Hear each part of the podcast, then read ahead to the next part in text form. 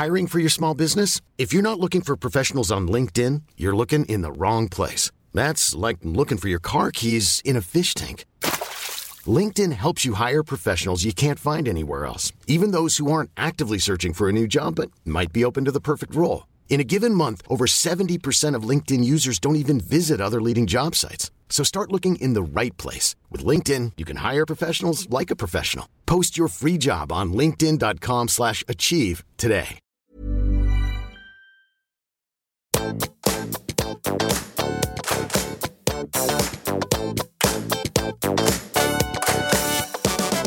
alle sammen, og velkommen tilbake til podkasten Karriereveiledning med Elaine. Dette er en episode jeg har gleda meg til, og det er fordi ukens gjest er eh, Hva skal jeg si for noe? Jeg, jeg tror det går an å si at du er en inspirasjon og en rollemodell, og du tenker litt ut av boksen. Eh, særlig de jeg har snakket med som kjenner deg, har snakket veldig varmt om deg. Mi Eline Eriksson, eh, bransjedirektør Aktiv helse er hovedorganisasjonen Virke. Velkommen til denne podkasten. Tusen takk, Elaine, og takk for å være gjest hos deg. Jeg har også hørt eh, mye positivt om podkasten din, så det er eh, en bra start. Du, det er en bra start. Og vi møttes jo på en måte gjennom eh, LinkedIn. Det var jo der vi la hverandre til, og så lurer jeg på om jeg sendte deg en Eller lurer ikke på, jeg sendte deg en forespørsel. Det var veldig mange som hadde lyst til å ha deg på podkasten. Eh, og da tenker jeg, her er vi, og for at vi skal bli litt bedre kjent med deg før vi snakker om de litt store temaene, så har jo vi snakket litt sammen om eh, hva vi ønsker denne episoden på en måte skal bidra med, da. Eh, vi skal jo trekke det litt ned, og det skal på en måte være læring, inspirasjon for de som lytter. Ja, absolutt. Og det jeg har reflektert i deg også, Elaine, det er jo det at jeg tenker eh, at mye av debattene som foregår i samfunnet nå, er eh, polariserte, og det er veldig mye svart-hvitt. Og så blir det kanskje litt eh, for liten plass til det mer nyanserte. Og jeg tror også f.eks. de som er ute etter en karriere eller søker jobb og eh, leter etter kanskje en fasit og et ideale. Men eh, så tror jeg vi er et godt sted i, i midten av alt, da. Så det inspirerer meg. Ja, og det er akkurat det du sier der, oppsummert, er jo det som gjør at jeg jobber med det jeg jobber med. Altså med karriere, karrierehelse. Det å normalisere karrierevalg, normalisere eh, utdannings... normalisere det å være menneske. Også med tanke på helse og trening, både psykisk helse og fysisk helse. Um, så hele hensikten med denne episoden handler om å kanskje gi noen aha-øyeblikk basert på noen refleksjoner, ting vi har opplevd, og hva som oppstår i møte med oss da, når vi begynner å reflektere. Og jeg tenker eh, vi skal bli litt kjent med deg først. Husker du eh, tilbake i tid hva du hadde lyst til å jobbe med, eller hva eh, du tenkte på kunne være en sånn potensiell karrierevei? Kanskje ikke med akkurat de begrepene, men rett og slett hva du ville bli når du var liten? Uh, jeg husker at jeg alltid har vært litt sånn halvidealistisk. Og uh, var veldig opptatt av fred. Og uh, jeg husker at Aung San Suu Kyi vant Nobels fredspris. Mm. Og at den store drømmen var å, å vinne Nobels fredspris. da. Og så tror jeg at det i senere tid har blitt noen veivalg som sikkert ikke kommer til å medføre at det skjer, men jeg tenker at kvinner som har stått frem for noe viktig i, i samfunnsdebatten og, og verdenssamfunnet, alltid har inspirert meg ganske mye. Hva, hva, er det med det som har inspirert deg? Er det, er det mot? Er det det utgjør en forskjell? Er det det å bruke stemmen? Altså, klarer du å identifisere eller på en måte isolere hva det er det dreier seg om? Jeg tenker jo at det dreier seg mye om det å kunne gjøre en forskjell. Eh, og eh, det tenker jeg jo fortsatt i dag. Eh, at man ofte på individnivå kanskje undervurderer hvilke forskjell man kan bidra til å gjøre. Både når man står sammen, men også alene. Mm. Men det krever mot, da. Og det er ikke alltid man klarer å finne det. Nei, og jeg tenker, Nå er du inne på noe viktig, dette med, med gode eh, rollemodeller også. Å ha noen å se opp til, noen som kan bane vei. Og akkurat det du beskriver, da, at det av og til er nødt til å tenke hvorfor skal jeg gjøre dette her? Alle andre har gjort det før, eller det er flere som gjør det. Men jeg tenker sånn til, til deg som lytter òg, det er jo ingen som er akkurat sånn som deg. Med dine kvalifikasjoner, tanker, egenskaper, din oppvekst, dine erfaringer. Altså det som bor i deg. Så det blir jo nesten umulig å gjøre noe likt. Selv om det kan fra utsiden se ut som alle på en måte gjør det samme, snakker om det samme, kjemper for det samme, så er det der lille bidraget ditt som du bringer inn i verden som ingen andre har. Ja, absolutt. Altså. Og, og, når du spør meg hva jeg tenkte når jeg, jeg var barn, så er jo det litt sånn uh, Syns jo jeg det er kjempespennende, for da tenker jeg litt på hva man tar med seg videre som voksen, da.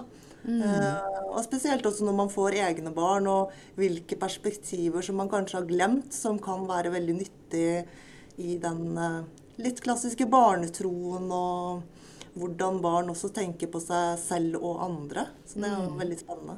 Ja, og dette bringer meg litt til det neste spørsmålet, som handler om hvem eller hva eh, som har inspirert deg på karriereveien din.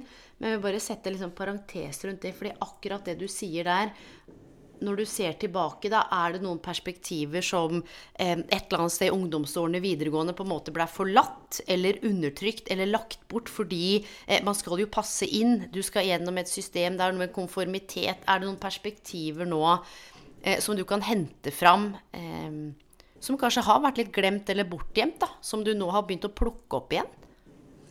Eh, ja, faktisk. Hvis du tenker liksom langs de lengre linjene, så har det jo noe med den lekenheten og gøyheten. Og eh, kanskje evnen til å ha 100 tilstedeværelse eh, i øyeblikkene. Og det tror jeg at veldig mange voksne kan kjenne seg igjen i at man har forlatt uten at man kanskje alltid er like bevisst på det. Men noen ganger så blir voksenlivet veldig alvorlig hele tiden. Men det å kose seg og nyte litt og eh, være til stede der, der og da. Mm. Og det der minner meg om noen ting. fordi i går faktisk så var jeg på lekeplassen med sønnen min og satt inne i, i et sånt der klatrestativ. Og han lekte at vi var på universitetet, for han har jo hørt at jeg tar bussen eller drar dit. Og jeg skulle være han, og han skulle være Og så tenkte jeg sånn, her sitter jeg snart 40 år gammel, eh, et, inni et lekestativ og leker at jeg er på universitetet med en som eh, Og så tenkte jeg bare sånn da var jeg litt ute av det, men så tok jeg meg sjøl i å bare du vet, sånn embrace it. Og bare Det er akkurat her og nå. Det er ingenting annet foran eller bak som betyr noen ting i det øyeblikket.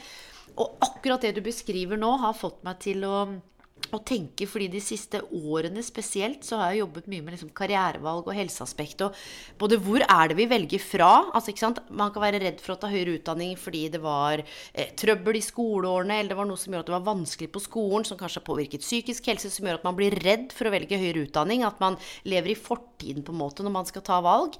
Eller at man gruer seg så mye til at man kanskje ikke får den drømmejobben, så man tør ikke gå for det andre utdanningsvalget fordi man lever i fremtiden og tenker på hvordan alt skal bli eller ikke bli. Eh, så det er det ene, liksom, hvilke tidsaspekter vi er i når vi tenker, reflekterer og føler. Men også hvilke deler av oss som dukker opp når vi skal velge. Eh, og i det siste, fordi snart er det utdanningsvalg, og så er det mange som jeg opplever eh, kommer til meg som hele mennesker, men hvor på en måte frykt og usikkerhet er det som styrer showet, da.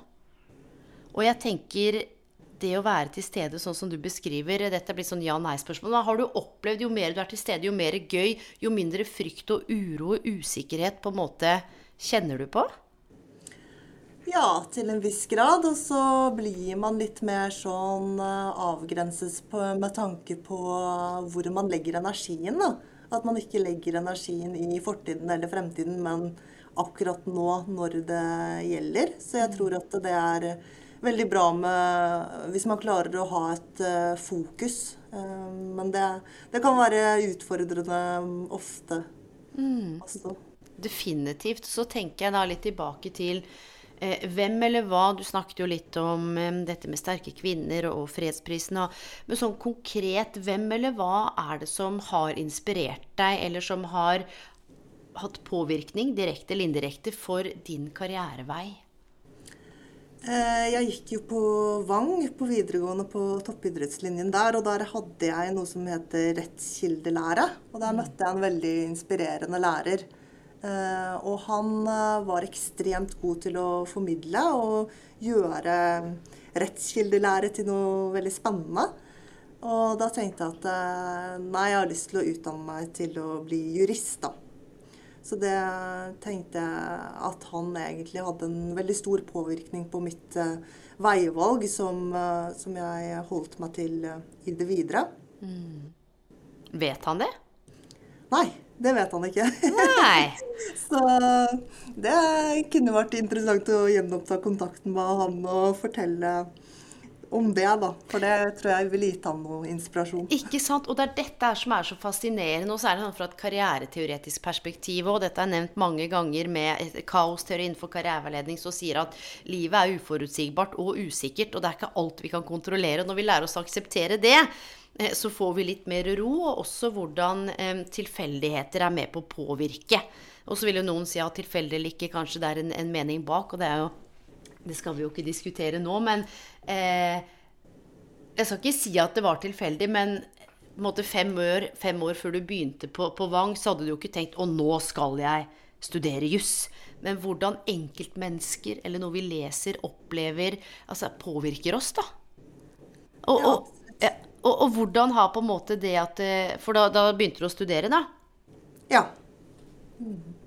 Så det var, eh, var veldig spennende, det òg. Men det som er fordelen med å utdanne seg som eh, jurist, det er jo at man kan eh, passe inn veldig mange forskjellige steder. da. Sånn at det låser deg ikke inne til noe, noe spesifikt. Du blir som en potet. Du, det der er kjempefascinerende, for jeg sitter jo bl.a. og veileder studenter på, på universitetet. Eh, og hadde også en, mm, en sånn workshop-foredrag med liksom, hva, hva, kan du gjøre, da? Eller bli med, med, utdanningen din innenfor på en måte juss. Og det er overraskende mange som opplever at det er veldig utfordrende å finne ut av.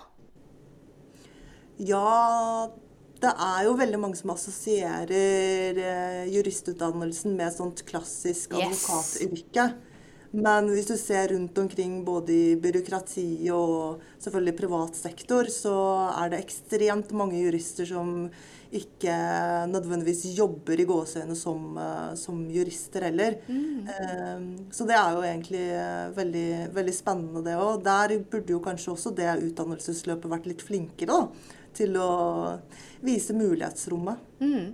Og jeg tror det mulighetsrommet også eh, gjør jo at det åpner opp for mange andre steder hvor man også kan bruke styrkene sine. Eh, at ikke ok, når jeg tar den utdannelsen, så ender jeg opp med å bli dette.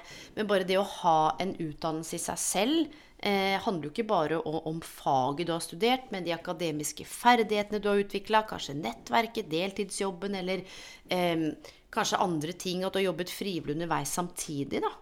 Og da blir jeg nysgjerrig på hva tenkte du under studiet da på en måte om veien videre eller i forhold til jobb da? Var det sånn helt klokkeklart at etter studiene så gjør jeg dette, eller hvordan fant du veien din? Nei, jeg hadde jo en eh, eh konkret eh, drøm eller et ønske om å bli eh, forsvarsadvokat. Eh, sånn at eh, under studietiden også så satt jeg veldig mye i Oslo tingrett for å følge meg på saker. For å få liksom praksis eh, eh, gjennom læring. Og så jobbet jeg som frivillig i Gatejuristen. Og der får du en del eh, enkeltsaker som du også får eh, trent på å følge opp. Så jeg endte jo absolutt ikke opp der hvor jeg trodde jeg ville. wow. Hva, men hva, hvordan Eller jeg skal ikke si avvike, for det er litt sånn typisk Det ble ikke som du skulle. Men jeg tenker det er jo life's little detours. Hva skjedde isteden, da? Nei, eh, på slutten av studiet så gikk jeg faktisk gjennom en ganske tøff skilsmisse.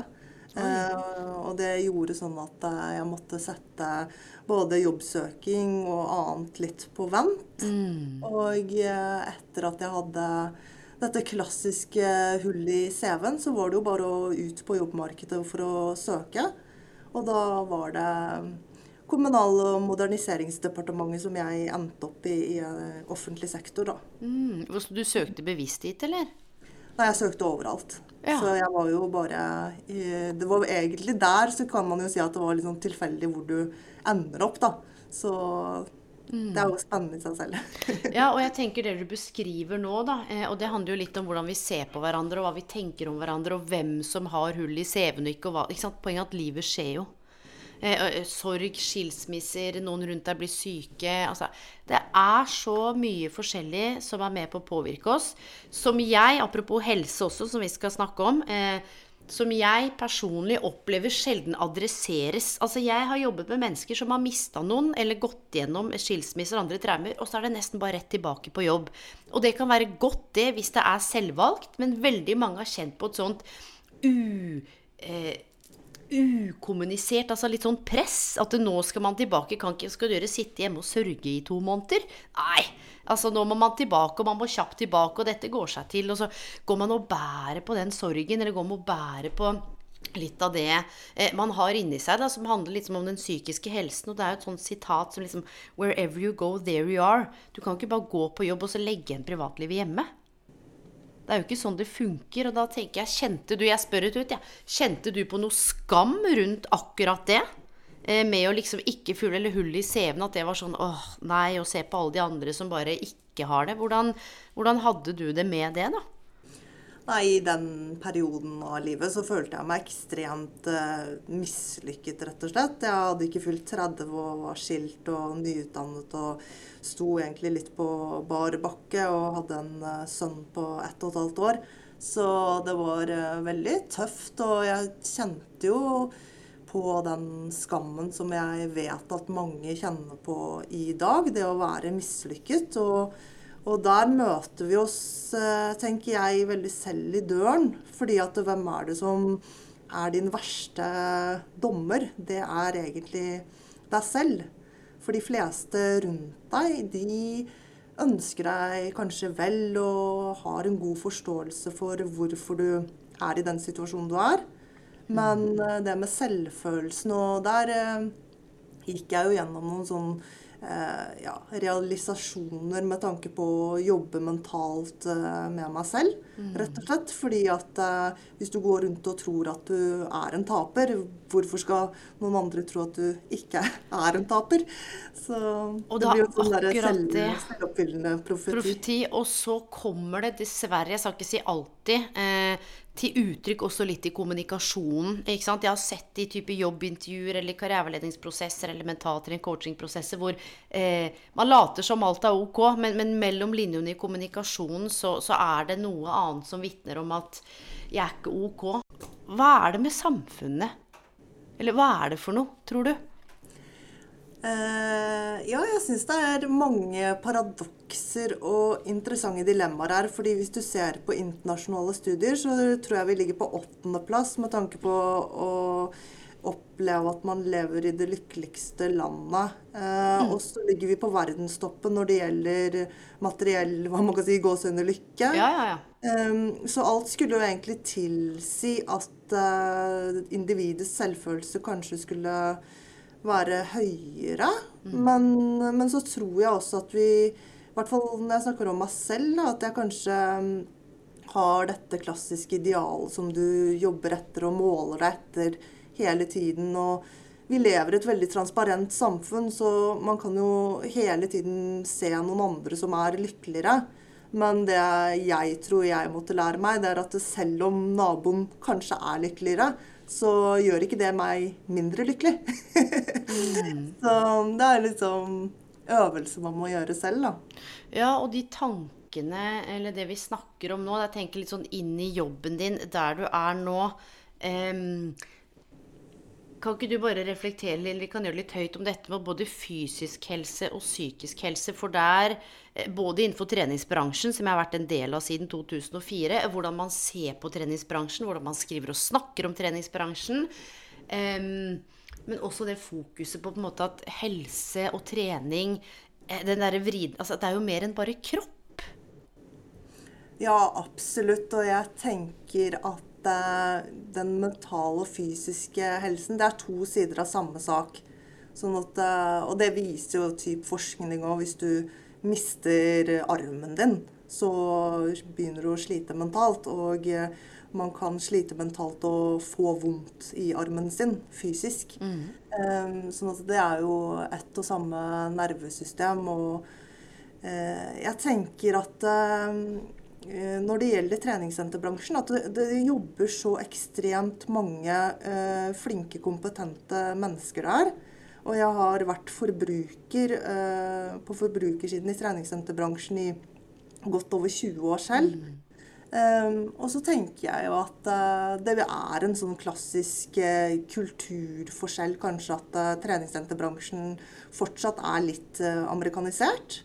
Og at den norske kulturen møter hva man kan si det som er litt mer ikke ja, glem og utelig og utseende og kropp. Men, men så, så, for å reflektere litt rundt det, så tror jeg at utseendet um, betyr noe for oss alle i ulik grad. Sånn at eh, Men eh, selvfølgelig så, så, er det jo viktig at eh, det ikke blir et sånt ensporet fokus på kropp og utseende. Det tror jeg ikke er bra heller. Men det ene utelukker ikke det andre. God helse utelukker ikke det å trene for å ha et ønske om å se litt bedre ut heller, da. Mm. Og dette her er litt i forhold til det polariserte igjen også. Eh, hvem som jobber der, og, og, hva man bruker det til. Og eh, vi skal komme litt tilbake også til hva, hva du jobber med akkurat nå. Eh, så lurer jeg litt på i forhold til, som du sa, dette hullet i CV-en. Eh, og så at du søkte jobb, kom inn der. Hvordan har veien vært fra du fikk den jobben du beskrev, til der du er i dag? Har det vært eh, planlagt, eller har det også vært litt, ikke tilfeldig, men hvordan er det du har valgt deg fremover, da? Nei, Da jeg endte opp i Kommunaldepartementet, så begynte jeg å jobbe innenfor et uh, rettsområde innenfor konkurranseretten. Mm. Så rent sånn faglig så har vel det vært uh, den røde tråden rent sånn konkurranserettslig. Og så har uh, jeg alltid kanskje vært en person som ønsker å utfordre meg selv. Og når du på en måte forsøker så langt det lar seg gjøre å makse på jobb, da, så, så, kan man ta stegene videre. Og så har jeg veldig god respekt og forståelse for de som ikke nødvendigvis skal makse hele tiden. Men, eh, men det å jobbe, det har alltid vært en veldig viktig eh, del av livet mitt, da. Mm. Og så Hva er det som gjør det så viktig, tenker du da? Nei, det har Nei, det, det, er egentlig litt vanskelig å si, men, eh, men, det har bare vært en sånn eh, Kanskje et prestasjonsparameter for meg selv, da. Mm. Som jeg har brukt selv eh, på at um, jeg har et, hatt, hatt, et behov for å bruke meg, da. Mm. ja. Og dette her tenker jeg er så viktig, fordi ofte når man hører prestasjoner, så trenger man stress og mas og jag og resultater. Eh, og så tenker jeg det du beskriver nå, da, den bevisstheten om at det kan være noe som trigger, eller noe som ligger der som et, som et behov, det å være klar over hva man bruker det til, og, og hvordan og hvorfor man gjør det. Eh, for jeg har jo jobbet med mange som hvileløst ikke sant? Eh, og ubesluttsomt bare presterer og presterer, ender opp med å gå i veggen, bli utbrent, og så blir det en sånn ond spiral. Og jeg tenker, jeg har også lyst til, For det er også litt sånn polarisert dette med press og, og, jag og mas og resultater. Det er jo mange måter å skape resultater på, og det er mange måter å prestere på. Og det fins liksom både harde og myke parametere, og derfor så eh, eh, grep det meg litt akkurat det du sa. Det var litt sånn fint måten du sa det på. fordi for meg så fremstår det i hvert fall som et sånt bevisst forhold til det å prestere, da. Og hva det gir. Ja, og jeg tenker at uh, det er uh, veldig individuelt, men for meg så er det veldig tilfredsstillende. Mm. Og uh, hvis man tenker liksom den derre klassiske seigmannen, da, og blir dratt i ulike retninger, og hva er eh, Hvilke kakestykker er det som er viktigst? Og jeg tror nok eh, helt klart at eh, jobben og kanskje en, en eller annen form for karriere har vært det aller, aller viktigste for meg, sånn kontra at jeg har nedprioritert andre ting, f.eks. i visse tilfeller både familie og det sosiale livet på, på bekostning av, av, jobben. Og det har vært et bevisst valg fra min side, da. Mm. Og jeg tenker det der, akkurat det du sier der, det er det veldig få som snakker høyt om. har du hørt mange som eh, Har du sett eh, artikler opp og ned og aviser Altså, hvor ofte har du hørt at noen sier 'jeg tok et bevisst valg om å gjøre det'? Det er mer sånn 'Å, og så tok, tok jobben meg, og alt ble kaos', og jeg liksom eh, Ikke sant? Og så ender man opp med masse verdivalg og mye urolige tanker, og eh, det slår meg igjen av den sant, det refleksjonsnivået, den bevisste Og dette er liksom til dere lyttere òg. Dette handler jo om akkurat det vi snakket om innledningsvis òg. Eh, å finne sin egen vei i vellinga. Hva er det som er ok eh, og som passer for deg, og hva er det som er ok og passer for noen andre? Og selv om naboen din da eh, prioriterer det sosiale, så er det ikke noe galt i at du altså, prioriterer karrieren. Igjen så er jo det et sånn sammenligningsgrunnlag. ikke sant? 'Å nei, nei, men hun blir ikke med, hun.' Eller 'hun jobber så mye, hun.' Eller, ikke sant?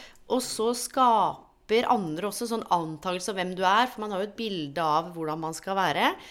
Og akkurat det du sa der, det, det på mine nesten ti eller elleve år med karriereveiledning, karriereutvikling, karriereplanlegging, så er det ekstremt få som har klart å ramme inn det du sa, på en så fin og naturlig måte, da. Høres det rart ut at jeg blir overraska over det?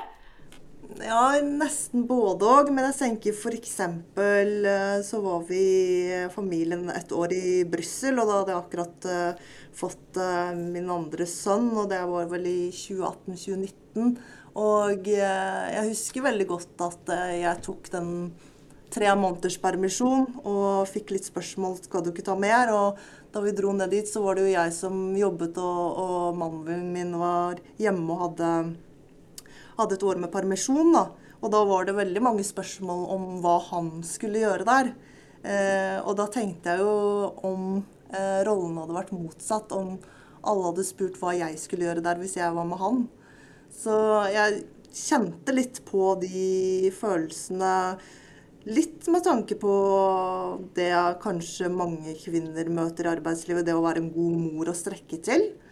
Men uh, som regel så er man jo, hvis man er heldig, et team, da. Mm. Og finner ut av ting sammen. Så selv om jeg også kan stå for det i dag at uh, jeg ja, har prioritert uh, jobben, så tror jeg også det har vært til, til, fordel for hele familien, egentlig. Mm. Og jeg tror det du beskriver der eh, Aiden kom jo til verden i 2019 i februar, og da holdt jeg på med en master. Og drev jo for meg sjøl. Eh, og det betyr at du er ikke fast ansatt noe sted, så det er ingen som på en måte klapper deg inn igjen eh, året etterpå. Eh, you gotta be creative and think. Eh, så jeg sto jo blant annet på scenen eh, var det åtte uker etter fødselen. Eh, og det hadde jeg nok gjort igjen. Og jeg hadde tatt masteren igjen også, men det å balansere Eh, de ulike rollene. Det tok litt tid for meg eh, å på en måte være mamma og levere arbeidskrav, arbeidskrav, eksamen. Altså det bare gikk i ett, samtidig som jeg klarte liksom å være til stede når jeg måtte det. Men det er sånn jeg ser tilbake, som var ganske heftig. Eh, og jeg blir litt nysgjerrig på er det noen ganger da hvor du har tenkt sånn at oi, nå har du tatt deg litt vann over hodet, eller har du kjent den dårlige samvittigheten på noen arenaer, enten jobb eller hjemme eller overfor partneren, eller hvor du har på en måte liksom måtte tenke deg om shit, har jeg valgt riktig? Ja, det er jo flere ganger man må liksom uh, gjøre en sånn selvransakelse. Og det er jo ikke å legge skjul på at selv om du tar bevisste valg, så kan man føle på det. Jeg følte det sånn konkret for ikke så veldig lenge siden da det var en juleforestilling. Og så kom jeg altfor sent til den juleforestillingen fordi at jeg har vært på et medlemsmøte. Og da kjenner du at eh, Oi, den, den satt.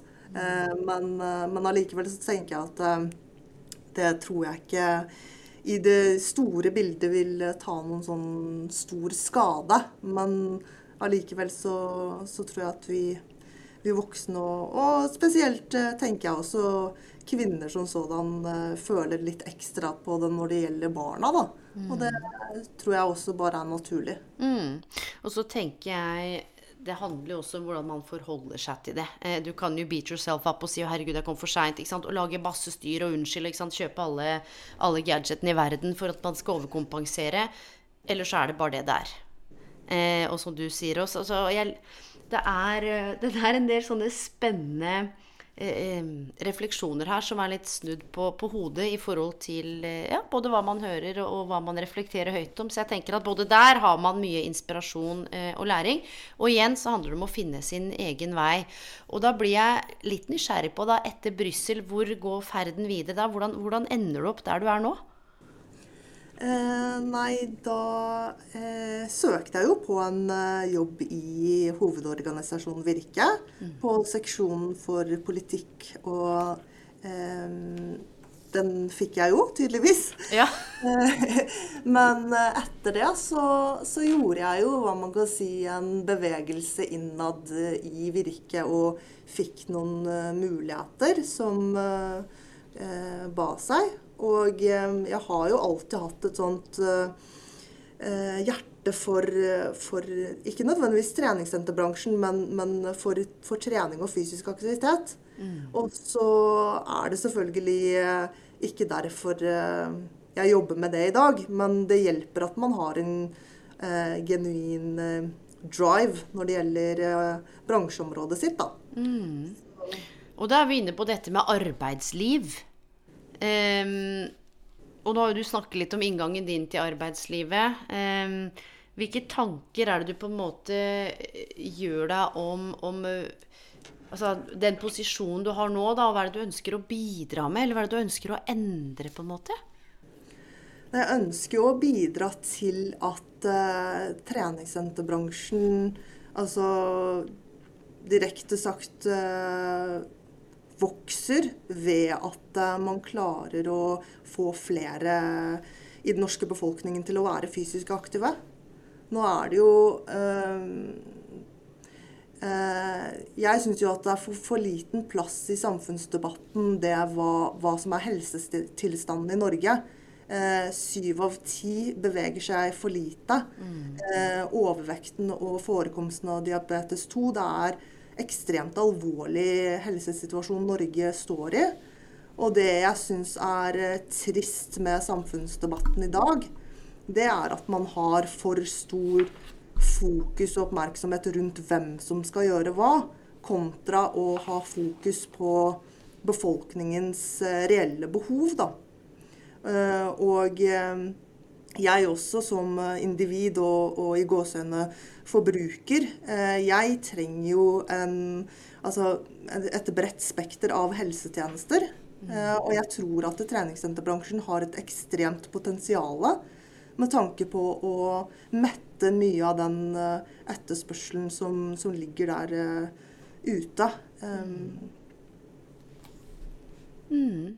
Og da liksom er det jo noe med både det, det, det kortsiktige perspektivene, da, men også de langsiktige eh, virkningene av det. Og jeg er sånn umiddelbart, hvis jeg skal stå i mitt fagfelt, da, som på en måte handler om karriereveiledning, hvordan eh, dette med karrierehelse, som jeg har sett de siste årene, eh, igjen som jeg snakket om med slitent, utbrenthet, psykososiale miljøet og fysisk helse hvor mye det har å si, den, den spaserturen, eller kanskje noe av, den, eh, eh, av hva man spiser Altså hvordan alt henger sammen, da. Og hva som kan skje både i forhold til prestasjoner, men det å også ha det bedre med seg sjøl. Litt det jeg var tilbake til i stad, med det å være til stede og når selv skal jeg si, selvforståelsen, selvoppfatningen, det derre selvbildet er eh, rigga godt på plass, så har man også så mye mer å gi, da det skaper også positive ringvirkninger, det at en har det godt med seg sjøl. Og dette her har jeg tenkt mye på når Det er jo en del eh, ting som skjer i verden som ikke akkurat er så innmari ålreit. Um, og så har jeg tenkt sånn Hva kan være mitt bidrag uh, utenom en del ting som jeg gjør, uh, gjør på siden? Uh, sånn men hvis jeg sørger for å ta vare på meg sjøl og har det godt, så har jeg også mer å gi til de som trenger det, og mer å gi til de nære rundt meg, som gjør at de også får det bra. da. Ja, absolutt. Og jeg tenker jo at det med fysisk aktivitet, det ligger eh, mye hos individet. Men så tror jeg at eh, for å få de gevinstene som du også sikter litt til det at eh, hvis jeg har det bra, så kan jeg gjøre det bedre for andre. at det er vanskelig å gjennomføre det i en hverdag, da. Fordi jeg tenker at når syv av ti nordmenn ikke beveger seg mer enn 150 minutter i uken, eh, så er det litt sånn spørsmålstegn.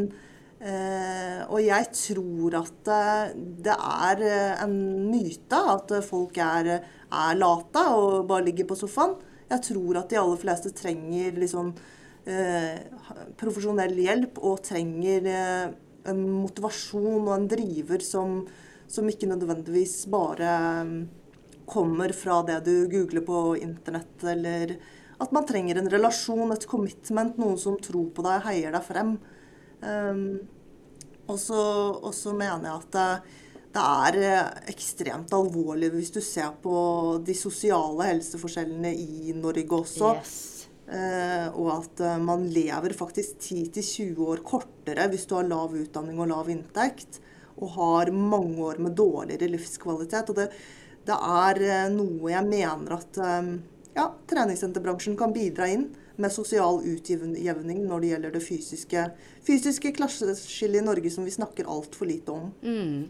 Og dette her kjenner jeg og, og, vi har jo snakket litt sammen før den podkasten, men ikke akkurat det du beskrev nå, og det kjenner jeg jo kobler rett på disse eh, bærekraftsmålene til FN, som også handler om at alle skal ha mulighet til utdanning og arbeid, eh, som er i hvert fall noe jeg brenner for, og dette med å kunne utjevne sosiale forskjeller. Akkurat det du sier der, og det er derfor dette med eh, karrierehelse, altså det mentale, psykisk helse, fysisk helse, karrierevalg Hvis ikke du Jeg har jobbet med folk som ikke har tenner, for de har ikke hatt råd til å gå til tannlegen, som har vært superovervektige eller anorekt. Det har vært mye ulike helseutfordringer som har skapt så mye skam og uro, og som har påvirka selvfølelsen, som har gjort at man tenker at ja, men ingen vil ha meg, jeg har ikke noe verdi.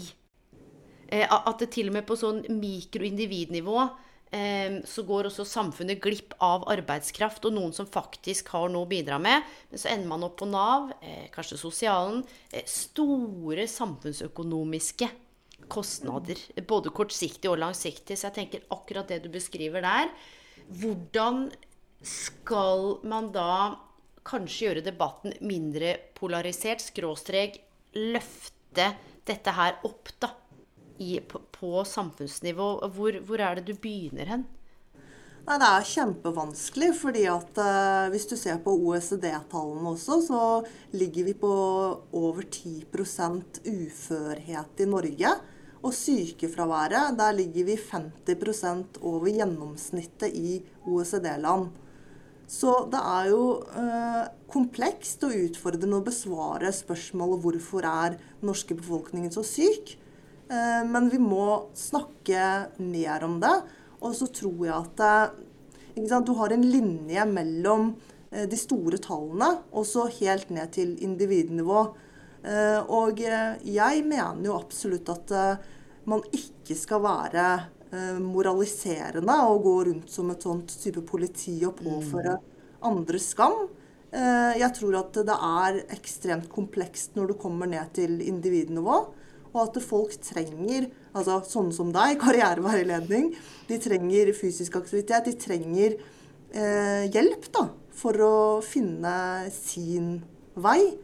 Men uh, som sagt, jeg mener at det er ekstremt urovekkende når du tenker på den 10 arbeidsstyrken i Norge som er uh, ufør. Fordi hva slags livskvalitet er det også den gruppen har, da? Og hvordan kan vi inkludere de i samfunnet på andre arenaer? Altså, jeg tenker jo rent sånn eh, fra et strukturelt nivå at uh, man bør ha aktivitet på resept, og at aktivitet likestilles som medikamenter og medisiner når uh, en lege skal skrive ut noe som er helt eller delvis dekket av staten. Mm. Og at man får lik rettighet på mangfoldet innenfor aktivitetene som er mulig å gjennomføre. Og så syns jo jeg også at treningssenterbransjen under pandemien var veldig flinke til å møte eh, kundene sine f.eks. ute, eller også på yes. nye måter. Og, og, her tenker jeg at selvfølgelig bransjen som sådan også har et mulighetsrom til å både omstille seg og, og innovere mer. Men jeg syns jo det er veldig sånn relevant det du nevner om uh, kostnadsbildet. Eh, fordi det er jo alltid spørsmål om eh, hvem som skal betale regningen. Men, eh, men i det bildet her så tenker jeg at man, staten og det offentlige ikke har råd til å ikke investere i det primærforebyggende. Um, og det syns jeg er rart at man tar seg råd til å ikke investere nå. Og man ser jo samme parallell opp imot det vi snakker om miljø og bærekraft innenfor miljø. At ja, det ligger så veldig langt frem i tid, 40-50 år frem i tid. Eh, og derfor så er det vanskelig å, å, investere i dag og omstille seg i dag. Og det samme gjelder på, på fysisk helse og mental helse, selvfølgelig. Ja, for at det, det Når du beskriver trening på resept eh, for en gave Og så er det jo én ting at eh, ja, du må jo kanskje komme ned dit sjøl, men alle disse effektene av hva trening Og nå snakker jeg ikke om å løfte en manual, men eh, det, kan, det, er jo flere ting her som jeg ofte også opplever blir utelatt fellesskapet. Eh, jeg har jobbet Jeg tror jeg starta året 2000 og tre eller fire på resepsjonen på Jeg hadde lyst til å trene gratis, skjønner du, og studerte og hadde en annen jobb. Eh, og vet du hva? Jeg husker det som om det var i går. Én eh, kunde, Marit, det spiller jo ikke noen rolle, for dette er så lenge siden, da, som jeg alltid husket navnet på. Marit hadde mista mannen sin. Og det å gå ned på det gymmet, og at jeg husket at hun hadde vært der på tirsdag Og dette er ikke sånn eh, Og jeg var så god. Eh, men jeg var god, for jeg er god med folk, og jeg husker navn. Eh, og de samtalene vi hadde, og hvordan det ble en sånn glede for oss begge. Det, det, det, det, er vanskelig å skrive ut. Men bieffektene av trening, men også fellesskapet, det å ha noe å gå til Kanskje er det noen som savner deg. Du snakket om det relasjonelle. Eh, og Cato Bjørndal, som har skrevet eh, en veldig bra bok, han sier det intet verktøy er bedre enn eh, hånda som holder det. Ikke sant? Så jeg og du vi kan jo alle mulige verktøy og vite at vi skal gå tur og spise grønt. Og det betyr ikke eh, at vi får det til. Og det der relasjonelle, å ha noen som venter på deg, ha en forpliktelse, noen som ser deg. Og vet du hva, hvis jeg skal liksom knagge på noe jeg har sett nå de siste årene, med litt den der individualiseringen, du er din egen lykkes smed, fikser du ikke helsa di, så er det noe gærent med deg, klarer du ikke ta grep om karrieren din, ja, da er du mislykka. Eh, ikke sant? Alle disse tingene vi forteller oss selv, og kanskje eh, plukker opp, eh, som ligger noen sånne narrativer og, eh, og ulmer, det å ikke skulle be om hjelp, men det å, å, være en del av et fellesskap, altså community. Det er også noe et treningssenter kan tilby. Ja, absolutt. Og det viser jo alle forbrukerundersøkelsene våre at uh, veldig mange som kommer dit, er pga. det sosiale. Og så syns jeg jo det er litt sånn rart, fordi det var én sak her for en kort tid tilbake, og da var det en dame som eh, ikke kunne jobbe. Og jeg tror nok hun var ufør, men hun drev og trente, da. Og da fikk hun jo veldig kritikk. fordi at mm. ja, hvis du er frisk nok til å trene, da er du frisk nok til å jobbe. Men det er ikke alltid sånn at Eh, man er frisk nok til å jobbe selv om man er frisk nok til å trene. Og det at hun trener, det er så ekstremt altså primærforebyggende. Og istedenfor å da eh, være inaktiv, som er eh, samfunnets eh, egentlig verste fiende, så tok hun tak i sin egen hverdag. Og det viser at eh, hun tar ansvar for sin egen, eh, sin egen hverdag. Da. Og mm. det syns jeg er ekstremt viktig. Og bare litt tilbake til det du nevnte selv når du møtte eh, noen i resepsjonen. fordi det derre hullet i CV-en min, og da husker jeg at eh, mye av min overlevelsesstrategi det var jo faktisk å gå til eh, det lokale treningssenteret ja. for å få en rutine i hverdagen. Yes. Og eh, det tar tid å søke jobb, og det er ganske krevende. Men det å da kunne ha de tre-fire dagene i uken hvor du har en rutine og møter sånn som deg da i resepsjonen for ti år siden, eh, som sa hei og så deg og eh, kunne slå an en liten prat da. Mm. Altså, det er så ekstremt verdifullt. Og så undervurdert. Og kanskje vi da for ti år siden, da, da eh, Ja, kanskje vi hadde kommet i prat, så hadde du sagt 'Å, jeg er utdanna sånn', eller Og så hadde jeg sagt 'Å, du, jeg kjenner noen'. Du veit, hun venninna mi Eva, hun er advokat. Eller du, men jeg kjenner en karriereveileder. Eller du, vet du hva, jeg traff noen som Kan ikke dere ta en kaffe? Og det handler jo nettopp om eh, mer enn bare det, som du sier, utseende, eller Det er liksom hele pakka. Eh, det psykiske, det fysiske, energien, og hvordan det også bidrar til å håndtere det å stå i en jobbsøkerprosess, håndtere det å oppleve utenforskap. Og det tenker jeg også eh, noe med eh, dette med det, det, er så mye her å ta tak i. Eh, både med mangfold og inkludering og dette med utenforskap og, og, på en måte Nå er det jo sånn, da. Det snakkes ekstremt mye om, om ledelse. Det er jo ledelse i treningsbransjen òg, de skal vi ikke snakke om. Men sånn generelt så eh, snakket vi litt om at det er noe sånn utfordringsbilde som du var inne på i forhold til eh, noe med å lede nye generasjoner. Kan ikke du si litt om det i forhold til hvor du tenker at eh, dette vi snakker om nå, også faller litt på plass under i forhold til hva eh, den generasjonen er opptatt av og trives med?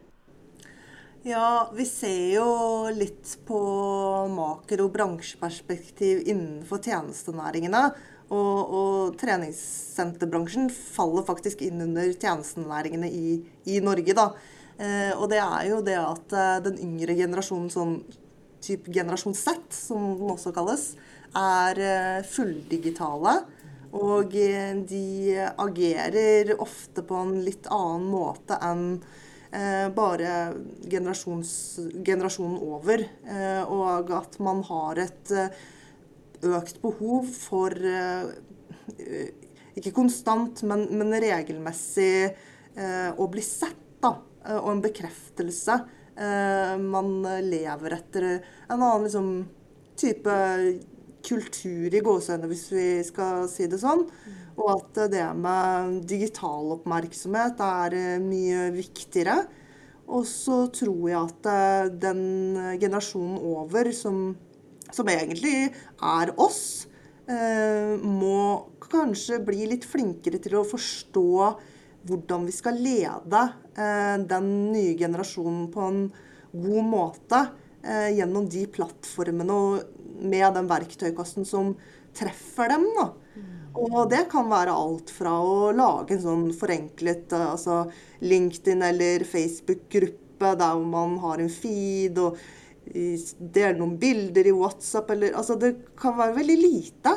Men det å um, skape bånd og eh, hva man kan si eh, eh trygghet hos eh, generasjon Z, da, da, må man inn i en ny, ny verktøykasse, tror jeg. Mm. Og hva tenker du da? Nå blir det kanskje litt sånn synsing, eh, men i forhold til det at de er eh, de, altså heldigitale, eh, og i forhold til det vi har snakket om nå med både treningssenterbransjen og helseaspekt, og eh, tenker du da som en sånn eh, digital trening, er det er det noe man tenker på ved å heldigitalisere noe, eller er det fortsatt et behov der for å liksom komme seg ut av det digitale og inn og treffe folk? Altså, hva, hva tenker du om det? Nei, jeg tenker at vi må ha en god blanding. At ja. uh, det ligger så implementert i vår både, både, evolusjon og DNA, det med å se mennesker og ta på mennesker og lukte mennesker. Men at uh, vi kan få en del effektiviseringsgevinster ved å uh, bruke de digitale plattformene til, til fordel for oss selv. Mm. Men, men, jeg tenker at relasjonen, For å bygge en god relasjon, så er det veldig ofte nødvendig med dette fysiske møtet. Ehm, og, eh, men samtidig så tenker jeg at eh, ta, ta det beste av begge verdener. Mm. Syns jeg er det, det kan være det beste. Mm. Mm.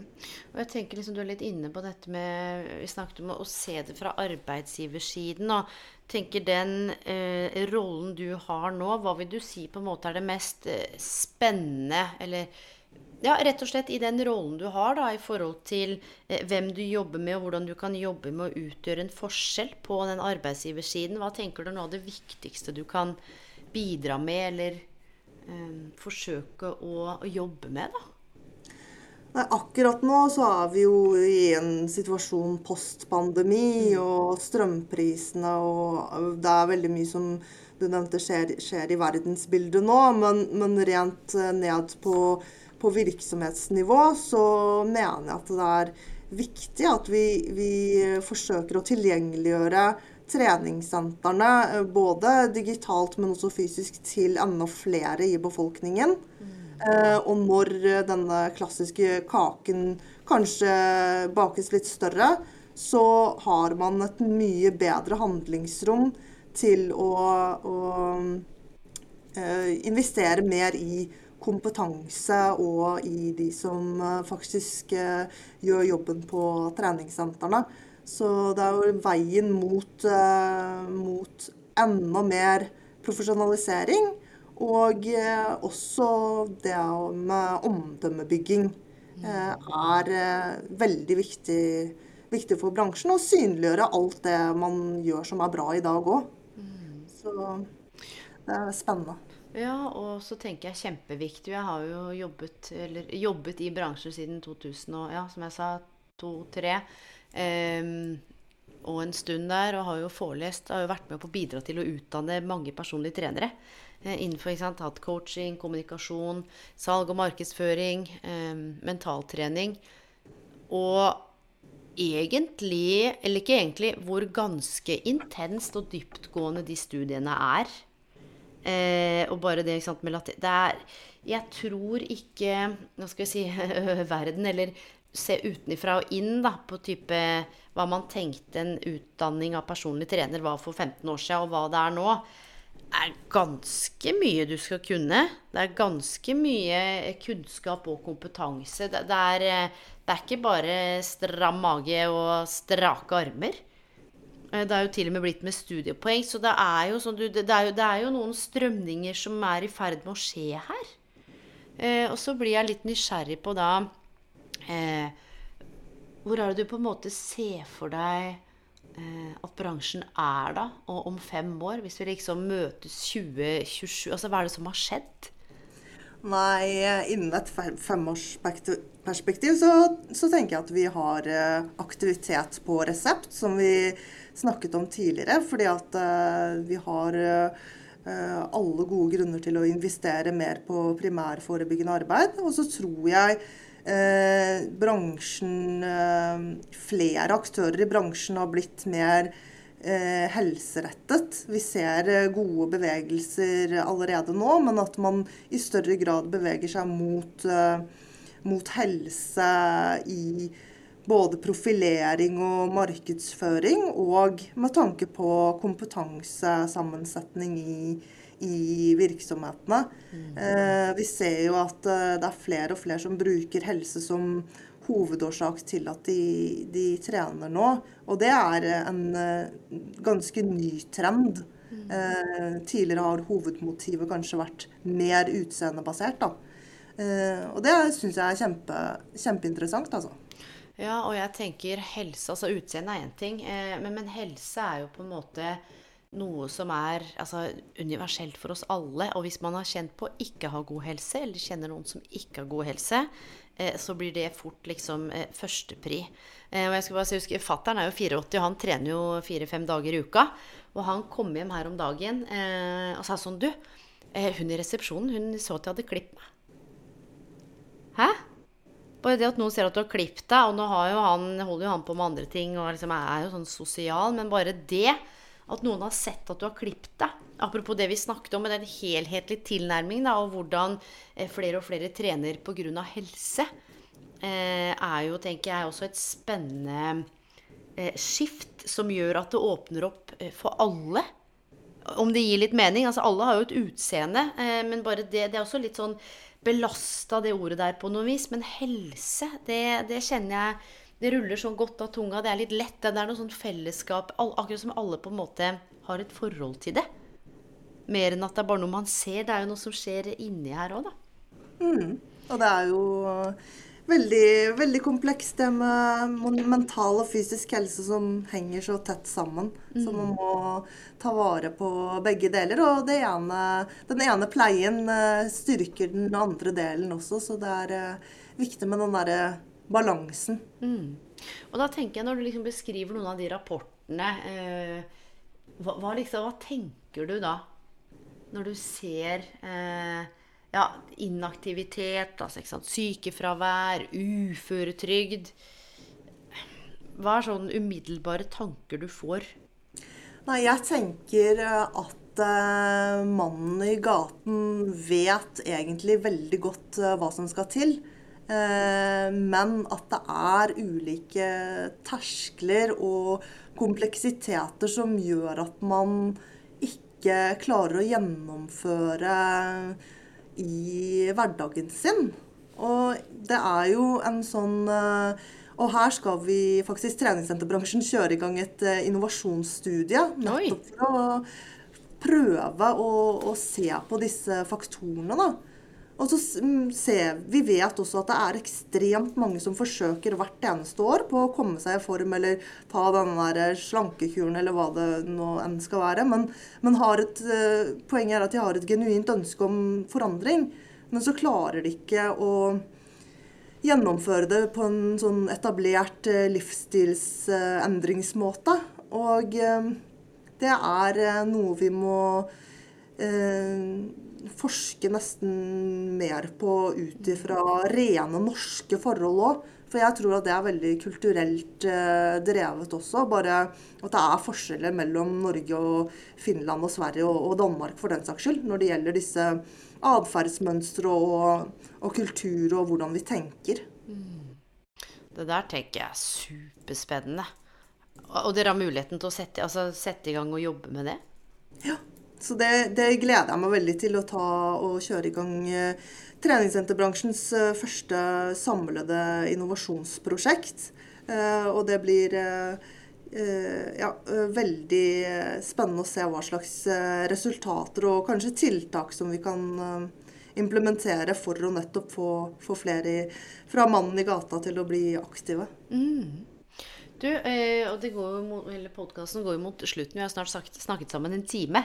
Um, og det er jo ikke noe tvil om at du har lidenskap, altså både sånn fra et evidensbasert ståsted med rapporter og sånn øh, i hvert fall veit hva du snakker om, eh, og, og, det empiriske, og, og på forbrukersiden. Og så tenker jeg Kjenner du Eller hvordan visste du Eller jeg må snu på det til de som lytter, da. Det du holder på med nå, eh, kan du beskrive hvordan du på en måte kjente at ok, dette her er det jeg har lyst til å gjøre nå?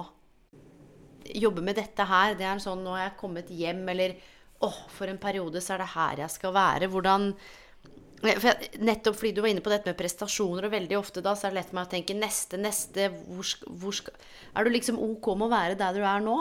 Hvordan veit du at dette her er ok å være her?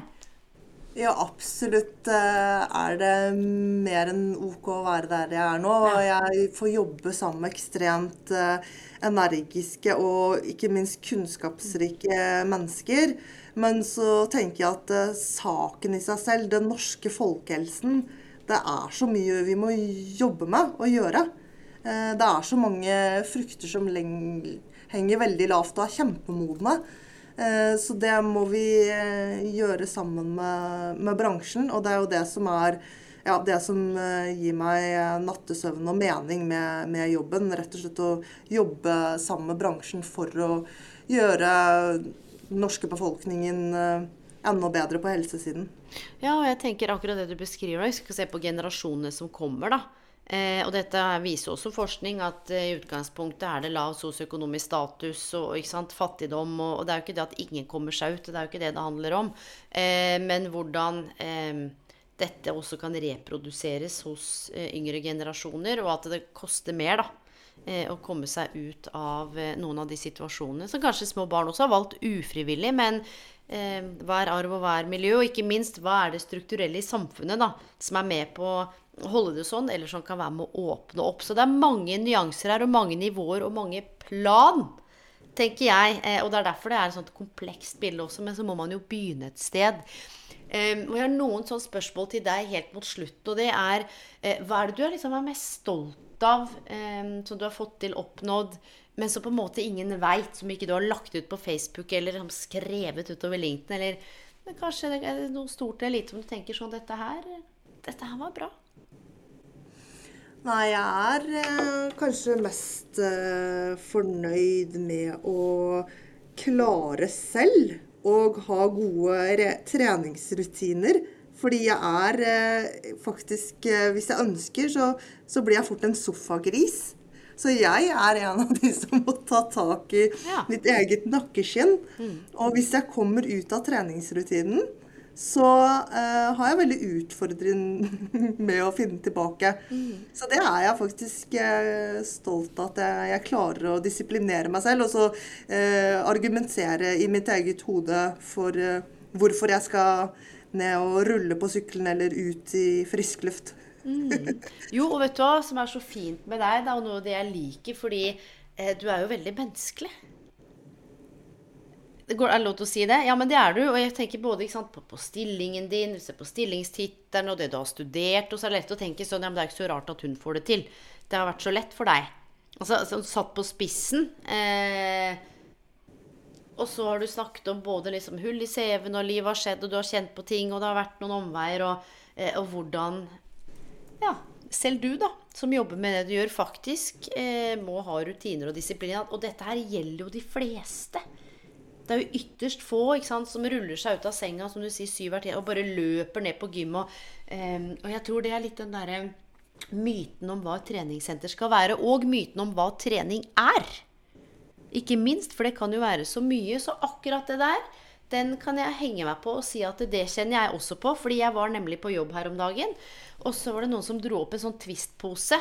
Eh, og så var det sånn eh, Ja, men du spiser vel ikke det? Du er liksom så Så kjente jeg sånn Hæ? Sånn, eh, sånn fitnessdame eller sånn trenings... Og et eller annet, så tenkte jeg sånn Det er veldig langt fra sannheten. Men det er jo det inntrykket, og det er så fascinerende med hvordan, hva jeg tenker og hva andre ser. Altså, I forhold til det du sa nå. Du, ø, Avslutningsvis, hva er det verste karriererådet du har fått? Og det er vel kanskje å eh, På en måte karriereråd og karriereråd. Det, det var eh, den siste stillingen som jeg har, som var eh, eh, en kort periode i Direktoratet for økonomistyring i staten. Så kom jeg inn på et digitaliseringsprosjekt som, eh, som absolutt ikke traff meg i det hele tatt. Og da, da fikk jeg et sånn form for karriereråd at det liksom Ja, la, la det gå mer tid. Men, eh, men jeg tror nok at eh, når det gjelder karriere, så, så har man også en sånn magefølelse. Så, så, så mitt eh, sånn kritiske tilbakeblikk på det, det er litt sånn derre Hvis det ikke funker, så funker det ikke, og da skal man ikke nødvendigvis presse det gjennom for, eh, for eh, alt det er verdt. Eh, Noen ganger så må man bare akseptere at her hører du ikke 100 hjemme. Men det innebærer ikke at du ikke skal forsøke så langt det lar seg gjøre, altså. Men noen ganger så er det bare rett og slett ikke en jobbmatch, og da, da må du ta steget videre. Og akkurat det du sa der, innenfor rimelighetens grenser. For ofte det jeg har opplevd, det er akkurat litt av det du beskriver nå, men jeg bare holdt ut, jeg. Eller jeg må bare holde ut, og da blir spørsmålet mitt hvor lenge har du tenkt å holde ut? Hvor er den enddatoen? Hva er din karriereplan når du bestemmer deg for å ikke sant, kutte den eh, navlestrengen? Og da, hva er det som gjør, tenker du, at man eventuelt velger å bli. For det er ikke alle forunt å bare jump ship da, og, og så gjøre noe annet. Hva er det som gjør at man blir kanskje litt for lenge? Nei, jeg tror at eh, man eh, kanskje i en periode har en sånn positiv forventning og er litt idealistisk. At ja, men kanskje det endrer seg. Kanskje sjefen endrer seg. Kanskje kollegaen endrer seg. Eh, kanskje jeg kan endre meg. Men eh, jeg tror nok også det er litt sånn som eh, f.eks. i et eh, kjærlighetsforhold. Da, at du, du begynner å kjenne at nå er det mot slutten. Men, men det tar jo alltid tid, og det er en prosess å, å avslutte en en relasjon. Men jeg tror nok jo lenger den perioden går, jo mindre produktiv blir du, og jo mindre vinn-vinn blir det for arbeidstaker og arbeidsgiver. Eh, og da tenker jeg at det, det viktigste er å prøve å finne ut av hva man trenger selv, og kommunisere det til eh, arbeidsgiver hva man egentlig trenger. Og så gir man hverandre en, eh, en mulighet. Og i Norge så er det jo sånn at vi har eh, gjennomsnittlig seks måneders prøvetid. Og den prøvetiden er jo der for en grunn, fordi at man skal se om det er en gjensidig match. Og det er kanskje mange som tenker at det er veldig sånn automatikk i det, men det er jo en gjensidig eh, hva man kan si, eh, periode der hvor man kan se om man passer sammen i en eh, jobbrelasjon. Um, og den tror jeg at eh, man ikke må være altfor redd for å eh, prøve ut eh, på den måten også den er tiltenkt. da. Ja, og det der, det tror jeg mange har glemt. At det, er sånn, at det er automatikk, at det er flott jobb, og så er du fast ansatt, og så er det sånn der. Og det går begge veier. Og du sa noe som er så viktig, som jeg også har snakket om eh, tidligere. Eh, dette med liksom forventninger, at andre skal skjønne hva man tenker og mener og føler. Og så vet jo vi nå eh, at man kan jo ikke endre andre, og det er heller ikke noe lurt å endre seg selv og gå på akkord over tid og skulle passe inn et sted hvor du ikke hører hjemme uansett om du prøver. Men det å ta ansvar og tenke hva er det jeg bringer inn i relasjonen? Hvordan kan jeg sette ord på egne ønsker og behov og tanker uten at det blir sånn når du som min leder sier det, så blir jeg sint. Men reflektere over eh, hva er det du kan bidra med, hva er det du kjenner på, innenfor på en måte selvfølgelig arbeids livsrammene. Det er jo ikke alt arbeidsgivere trenger å vite bestandig. Men det er så lett å peke utover. Si fordi sjefen er sånn, så trives jeg ikke. Og da ofte tenker jeg sånn Det kan stemme, men hva er det du bidrar med i relasjonen? Har du satt ord på det? Ja, men det er ikke så lett, ikke sant? Og så kommer det masse begrensninger. Og, men du er inne på noe som er viktig, og jeg tror det handler om den selvinnsikten i forhold til å bli kjent med seg selv. Og akkurat det spørsmålet du sa der, stiller jeg ofte i karriereveiledning. Hva trenger du akkurat nå? Overraskende mange syns det er vanskelig å svare på. Mm. Og det er jo ikke så rart, for jeg tror ikke at det er så ofte eh, vi går rundt og står på det. Ja, men hva, hva, trenger jeg nå? Hva kjenner jeg nå? Hva er det som foregår i meg i dette møtet eller i den relasjonen? Ok, dette gjorde noe med meg. Eh, men det å kunne ta ansvar for å se hvordan man er med på å bidra. Og at ingen er tankelesere. Mm. Og det er jo ikke sånn at man slutter i jobb, men man går jo da eh, over i noe annet. Og jeg tror frykten for at man ikke skal finne noe nytt, nemlig Det tror jeg er en driver for mange som gjør at man bare blir. At det er ikke noen andre steder eh, man kan bruke kompetansen sin. Og da lurer jeg på, hvis du ikke hadde gjort det du gjør akkurat nå, hvis den jobben du har nå, den bare den ble borte, hva er det du skulle gjort da? Hva hadde du hadde jobba med? Nei, Det er litt uh, vanskelig spørsmål, men uh, jeg syns jo det hadde vært uh, veldig gøy å enten jobbe som sykepleier eller lege, da. hvis jeg skulle ha valgt noe helt annet. jeg ser jo hva slags ja, jobb de gjør i samfunnet hver eneste dag, og at den er så ekstremt viktig. Så, så, kanskje et mer, mer yrk... Altså praktisk arbeid. Mm. Du, tusen takk for en eh, både inspirerende og viktig og annerledes og en sånn eh, Hva skal jeg si for noe god samtale. Eh, er det noe du kjenner avslutningsvis at du ikke har fått sagt, så du har lyst til å dele? Eh, eventuelt til de som lytter. Hva, du, hva, hva, liksom, hva ønsker du at de skal sitte igjen med? Jeg har lyst til å takke deg, Elaine, for at jeg fikk komme til podkasten. Og så har jeg lyst til å si også til lytterne at uh, vær litt uh, tålmodig med deg selv, og vær din, uh, din egen beste venn. Og det, det, mener jeg veldig sånn konkret og direkte, for det, det, er ofte den testen jeg har med meg selv. At jeg later som jeg er min egen venninne, og så forteller jeg historien til den. Og da vil man alltid gi seg litt mer slack og se råd og perspektiver fra en annen side. Så vær din beste venn. Det er mitt eh, mantra.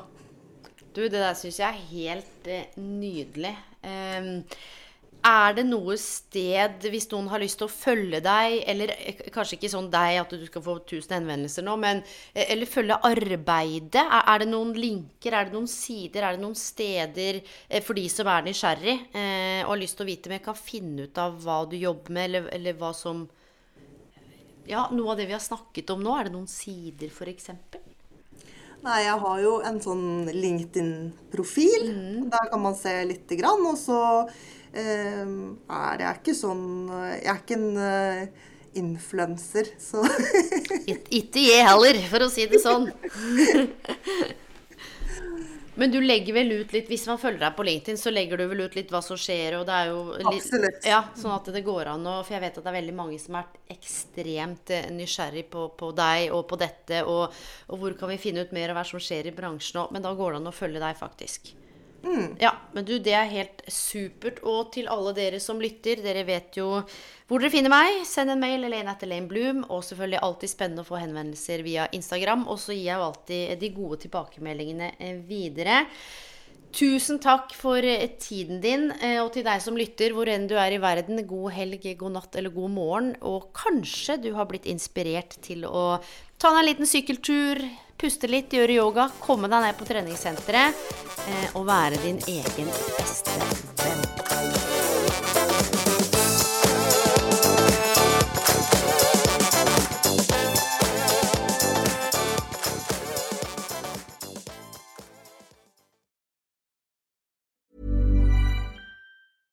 My business used to be weighed down by the complexities of in person payments.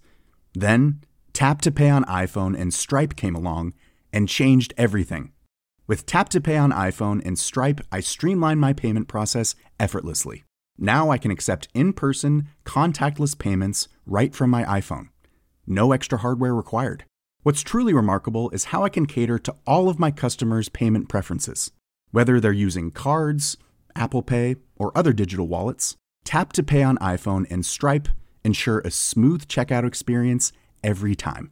And it's not just me. Stripe helps businesses of all sizes, from local markets to global retailers, scale quickly and stay agile. To learn how Tap to Pay on iPhone and Stripe can help grow your revenue and reach, visit stripe.com/tapiphone. Ever catch yourself eating the same flavorless dinner three days in a row? Dreaming of something better? Well, HelloFresh is your guilt-free dream come true, baby. It's me, Kiki Palmer. Let's wake up those taste buds with hot, juicy pecan-crusted chicken or garlic butter shrimp scampi. Mm. Hello Fresh. Stop dreaming of all the delicious possibilities and dig in at HelloFresh.com. Let's get this dinner party started.